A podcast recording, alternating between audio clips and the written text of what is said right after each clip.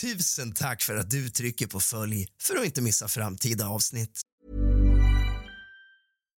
Here's a cool fact a crocodile can't stick out its tongue. Another cool fact you can get short term health insurance for a month or just under a year in some states. United Healthcare short term insurance plans are designed for people who are between jobs, coming off their parents' plan, or turning a side hustle into a full time gig. Underwritten by Golden Rule Insurance Company, they offer flexible, budget friendly coverage with access to a nationwide network of doctors and hospitals. Get more cool facts about United Healthcare short term plans at uh1.com. One size fits all seemed like a good idea for clothes Nice dress. Uh, it's a it's a t-shirt. until you tried it on. Same goes for your healthcare.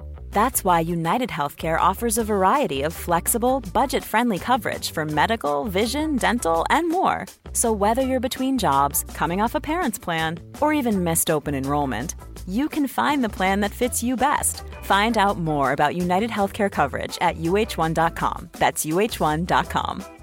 Everyone knows therapy is great for solving problems, but getting therapy has its own problems too, like finding the right therapist, fitting into their schedule, and of course, the cost. Well, BetterHelp can solve those problems. It's totally online and built around your schedule. It's surprisingly affordable too. Connect with a credentialed therapist by phone, video, or online chat, all from the comfort of your home.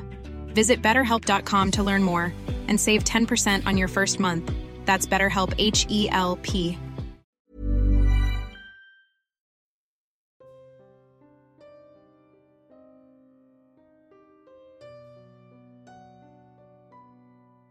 God afton din lilla fegis och kallt välkommen tillbaka ska just du vara till kusligt, rysligt och mysigt. Hörni, vi har äntligen nått fram till oktober månad. Ja, det var i oktober månad år 2021 som jag startade den här podden. Och Det lät helt annorlunda då än vad det gör idag och jag tycker att jag har växt in i podden på ett helt annat sätt. Bottnar mycket bättre i det eh, och hittat min plats kan man väl säga. Men för att fira poddens tvåårsdag helt enkelt så tänker jag uppfriska ert minne lite grann med hur det lät när podden började i oktober 2021. Det kommer komma fyra, fem avsnitt om eh, de fyra, fem allra, allra första avsnitten från podden helt enkelt. Och eh, så ni får höra lite grann hur podden har utvecklats och så vidare.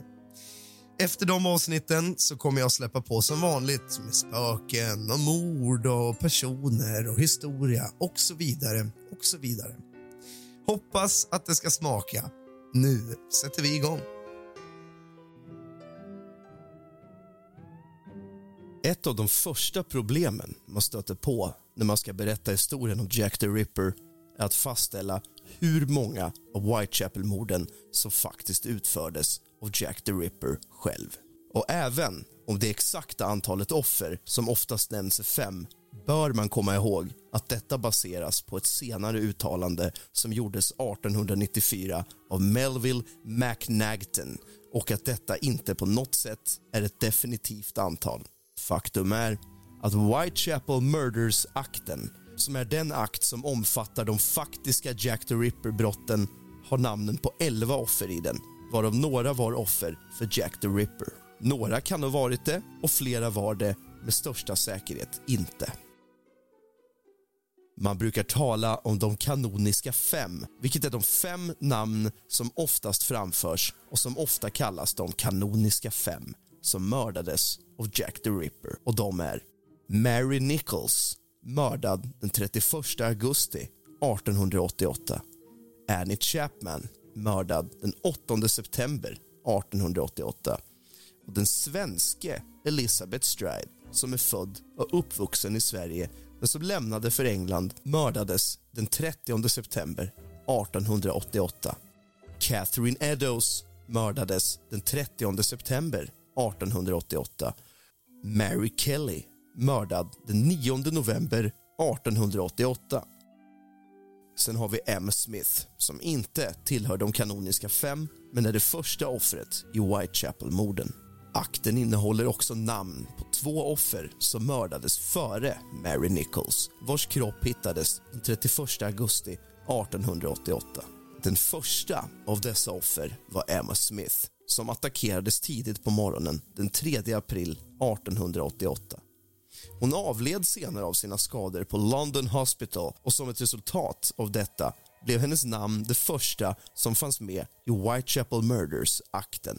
Emma Smith var med största sannolikhet inte ett offer för Jack the Ripper. Innan hon dog kunde hon berätta för läkaren som behandlade henne på Londonsjukhuset att hon hade blivit attackerad av ett lokalt gäng.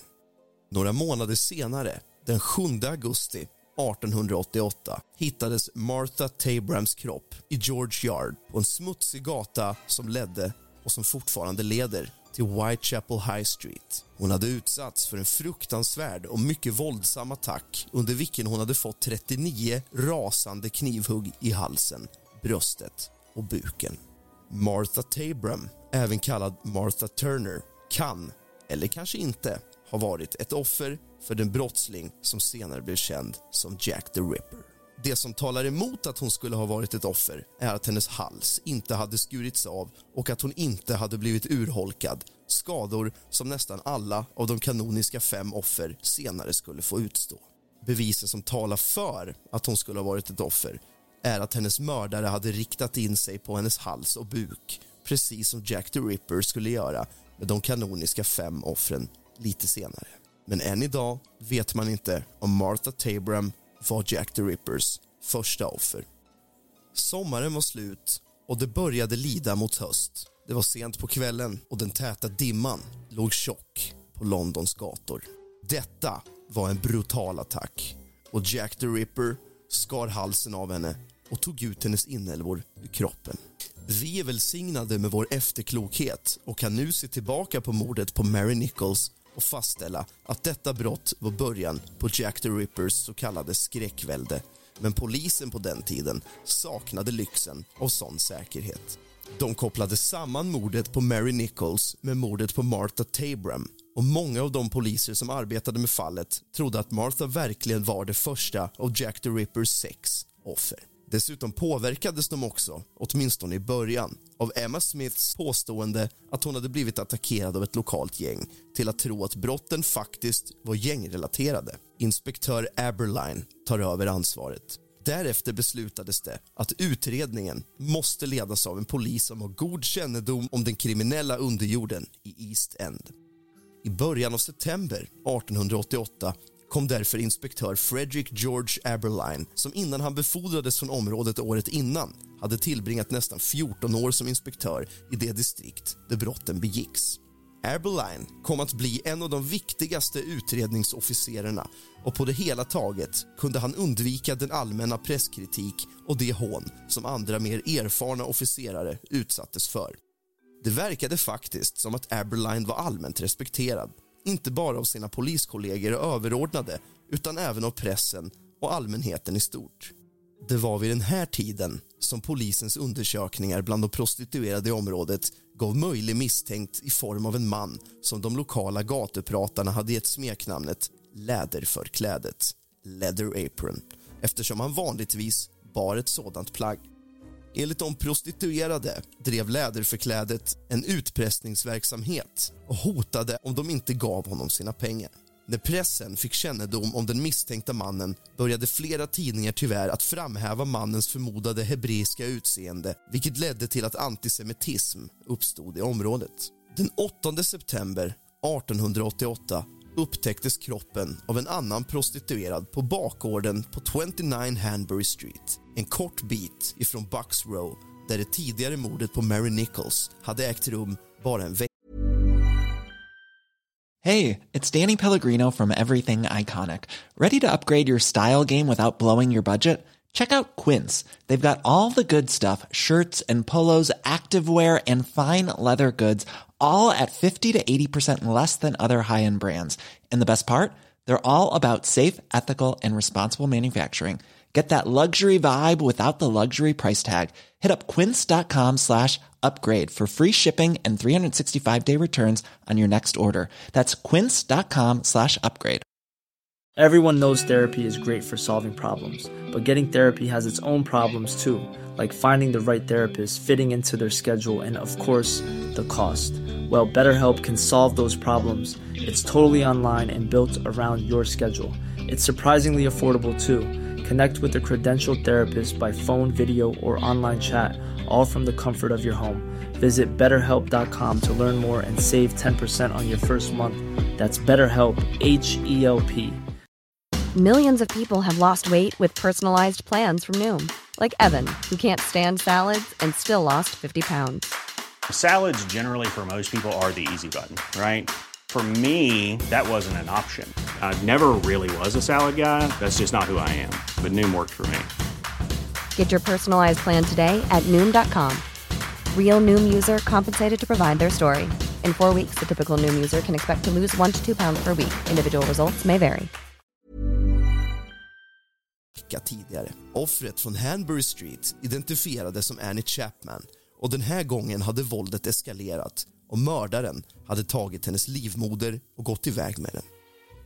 Det faktum att ett nytvättat läderförkläde hittades i närheten av hennes kropp tillsammans med pressens sensationslystnad om identiteten och rasen hos polisens huvudmisstänkte fick antisemitismen att koka över i fullskalig rasistisk oro. Myndigheterna ville desperat återställa ordningen och översvämmade området med poliser. En åtgärd som både lugnade ner oroligheterna och eftersom inga mord skedde på några veckor tycks ha gjort det svårt för mördaren att slå till igen. Kort efter mordet på Annie Chapman arresterade sergeant William Thick den lokala mannen John Pizer och hävdade att han var känd i området som Leather Apron. Pizer kunde dock ge gjutna alibin när det gäller hans vistelseort vid tidpunkten för de senaste morden. Han uteslöts därför som misstänkt och framträdde till och med vid undersökningen om Annie Chapmans död där han officiellt och offentligt friades från all inblandning i brotten. Den 10 september 1888 bildade en grupp lokala affärsmän och handlare Mile End Vigilance Committee och valde den lokala byggaren George Lusk till ordförande. Som ett resultat av sin verksamhet i Medborgargarden blev George Lusk något av en lokal kändis och hans namn började dyka upp regelbundet i tidningarna. Under tiden vid Annie Chapmans förhör uttryckte polisens divisionskirurg Dr. George Bagster Phillips sin åsikt att Annie Chapman hade mördats för att hennes mördare skulle kunna få tag på hennes livmoder. Phillips menade också att den skicklighet och snabbhet som han visade när han avlägsnade organet tydde på att mördaren hade vissa anatomiska kunskaper. Under sin sammanfattning av undersökningen av Annie Chapmans död orsakade rättsläkaren Winnie Baxter en sensation genom att avslöja att ett museum vid en av Londons medicinska skolor hade kontaktat honom med information om en viss amerikansk läkare som hade erbjudit honom 20 pund för varje livmoder han kunde förse honom med. Baxter undrade om vetenskapen om detta krav hade fått någon sinnessjuk stackare att utföra det senaste mordet för att få tag på en livmoder som kunde säljas vidare med vinst. Det är onödigt att säga att Baxters avslöjanden och funderingar orsakade en absolut sensation gav en bizarr twist av morden i Whitechapel. Läkarkåren själv var snabba med att motbevisa Baxters påståenden och det är intressant att notera att en sån teori inte nämndes vid någon av undersökningarna av de efterföljande offrens dödsfall. På Whitechapels gator kämpade polisen för att ställa mördaren inför rätta och fick mycket kritik i pressen för sin oförmåga att göra detta. Deras ökade närvaro verkade dock ha avskräckt mördaren och i slutet av september hade befolkningen i området börjat slappna av och många av dem trodde att mordvågen hade upphört. Men den 30 september 1888 återvände Whitechapel-mördaren och dödade två kvinnor på mindre än en timma. Det första offret var Elizabeth Stride vars kropp hittades av Louis Deemschutz när han vände sin ponny och vagn och åkte in på en mörk gård vid Burner Street klockan ett på natten.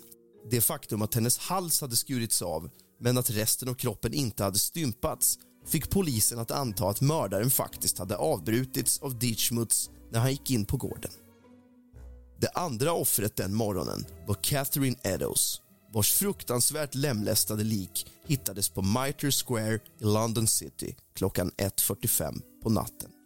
Förutom de skador som Mary Nichols och Annie Chapman hade fått hade mördaren även lemlästat Catherine Eddows ansikte. Han hade också avlägsnat och gått iväg med hennes livmoder och vänstra njure. När polisen förföljde Jack the Ripper genom gatorna i Londons East End upptäckte de en ledtråd. I en dörröppning i den närbelägna Golston Street stötte en poliskonstapel, Alfred Long som patrullerade i sitt område på en bit av Catherine Eddows blodiga förkläde i dörröppningen till ett hyreshus. På väggen ovanför förklädet fanns ett meddelande med krita som löd. Juice är de män som inte kommer att få skulden för ingenting. Detta meddelande var källan till en stor debatt mellan Metropolitan Police som ville radera det för att det inte skulle leda till rasistiska oroligheter i distriktet och City of London-polisen som ville fotografera det eftersom de trodde att det kunde vara en viktig ledtråd i deras jakt på Catherine Eddows mördare. Oenigheten mellan de två styrkorna upphörde klockan 5.30 när Sir Charles Warren, Metropolitan Police Commissioner, anlände till platsen och beordrade att de omedelbart skulle raderas. I kölvattnet av det som pressen kallade dubbla händelsen beslutade polisen att offentliggöra ett brev som några dagar tidigare hade skickats till en nyhetsbyrå i London. Det var skrivet med rött bläck och påstods vara skrivet av mördaren och skryter om att polisen inte kommer att ta mig ännu. Efter att ha skrytit om vad han gjort mot sina förmodade offer och sagt vad han skulle vilja göra med sitt nästa offer undertecknade författaren brevet med Jack the Ripper. När polisen offentliggjorde brevet blev namnet Jack the Ripper omedelbart känt och bidrog till att göra en serie smutsiga mord i East End till ett internationellt fenomen. Man kan säkert säga att en del av anledningen till att just denna serie brott fortfarande är så berömd är på grund av namnet. Tyvärr visade det sig vara ett misstag att släppa brevet. Polisen kom snabbt fram till att det inte hade skrivits av mördaren utan att det istället var ett verk av en journalist från London. Namnet var dock så lockande att bluffmakare började skicka in brev med samma eller liknande signaturer. Ett av de mest kända av dessa skämtbrev skickades till George Lusk, ordförande i Mile Ends Vigilance Committee i mitten av oktober 1888. Det berömda brevet var adresserat från helvetet och innehöll en halv njure som han enligt brevets författare tagit från ett offer. Trots att det i pressen spekulerades om att den njure som skickades till Lusk verkligen var hälften av den njure som togs från Catherine Eddows kropp var polisen och läkarna eniga om att det i själva verket var ett sjukt spratt som utfördes av en läkarstudent. Hela oktober gick, dock utan ytterligare ett mord och återigen gick invånarna i området in i november i tron att mordvågen var över. Deras lättnad var dock för tidig. Den 9 november 1888 hittades Mary Kellys kropp i hennes rum på 13 Millers Court utanför Dorset Street i Spitalfields. Hennes kropp var praktiskt taget flodd ända ner till benen. Stympningarna var faktiskt så omfattande och fruktansvärda att hennes älskare Joseph Barnett endast kunde identifiera henne med hjälp av ögon och öron. Även om man i allmänhet tror att Mary Kelly var det sista av Jack the Rippers offer finns det flera namn på senare mordoffer i Whitechapel Murders-akten. Den 20 december 1888 hittades Rose Millet död, men oskadad, på Clarks Yard i Poplar.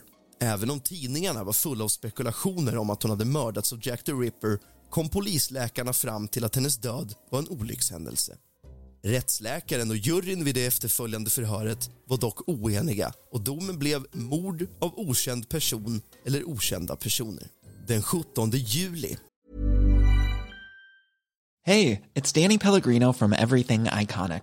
Ready to upgrade your style game without blowing your budget? Check out Quince. They've got all the good stuff shirts and polos, activewear, and fine leather goods, all at 50 to 80% less than other high end brands. And the best part? They're all about safe, ethical, and responsible manufacturing. Get that luxury vibe without the luxury price tag. Hit up quince.com slash upgrade for free shipping and 365 day returns on your next order. That's quince.com slash upgrade. Even when we're on a budget, we still deserve nice things. Quince is a place to scoop up stunning high end goods for 50 to 80% less than similar brands. They have buttery soft cashmere sweaters starting at $50, luxurious Italian leather bags, and so much more. Plus, Quince only works with factories that use safe, ethical, and responsible manufacturing. Get the high-end goods you'll love without the high price tag with Quince. Go to quince.com/style for free shipping and 365-day returns. 1889 hittades Alice Mackenzies kropp i Castle Alley utanför Whitechapel High Street. Hon hade två knivhugg i halsen och ett långt men inte alltför djupt sår som gick från hennes vänstra bröst till naveln. Dessutom fanns även lite ytliga sår och repor på hennes underliv. Även om vissa poliser och läkare vid den här tiden trodde att Jack the Ripper hade återvänt var den allmänna uppfattningen, och var fortfarande bland experter, att hon inte var ett offer för Jack the Ripper. Den 10 september 1889 hittades den lemlästade torson av en oidentifierad kvinna under en järnvägsbåge på Pinchin Street en bit från Commercial Road och en bit från Burner Street där Elizabeth Stride hade mördats nästan ett år tidigare. I tidningsrapporter vid den tiden nämndes likheter med lemlästningen av torson och de skador som Jack the Rippers offer hade fått. Men den dåvarande polischefen för Metropolitan Police, James Monroe ansåg att tillvägagångssättet skilde sig från Jack the Rippers och uteslöt kvinnan från att vara ett av hans offer. Det sista namnet i Whitechapel Murders-akten är Frances Coles vars kropp hittades klockan 02.20 den 13 februari 1891 i Swallow Gardens of Mansell Street, inte långt ifrån Tower of London. Halsen hade skurits av, men hon hade inte fått några ytterligare stympningar. Det faktum att hon fortfarande levde när hon hittades av poliskonstapel Ernest Thompson ledde till spekulationer om att mördaren, liksom i fallet Elizabeth Stride, hade avbrutits. När det visade sig att hon tillbringat dagarna före sin död med en sjöman vid namn Thomas Sadler och att det inte bara hade varit inblandade i flera berusade bråk vid tiden för mordet på henne utan att han också hade sålt en spänningskniv kort efter mordet på henne arresterade polisen honom och betraktade honom som en trolig misstänkt inte bara för mordet på Francis Coles utan också för de andra morden. Fallet mot honom föll dock snart samman och Sadler friades från all inblandning och släpptes på fri fot. I och med mordet på Francis Coles av en eller flera okända personer avslutades Whitechapel-morden och kort därefter avslutades själva akten. Och än idag vet man inte med säkerhet vem Jack the Ripper faktiskt var. Du har lyssnat på avsnitt två av kusligt, rysligt och mysigt med mig, Rask.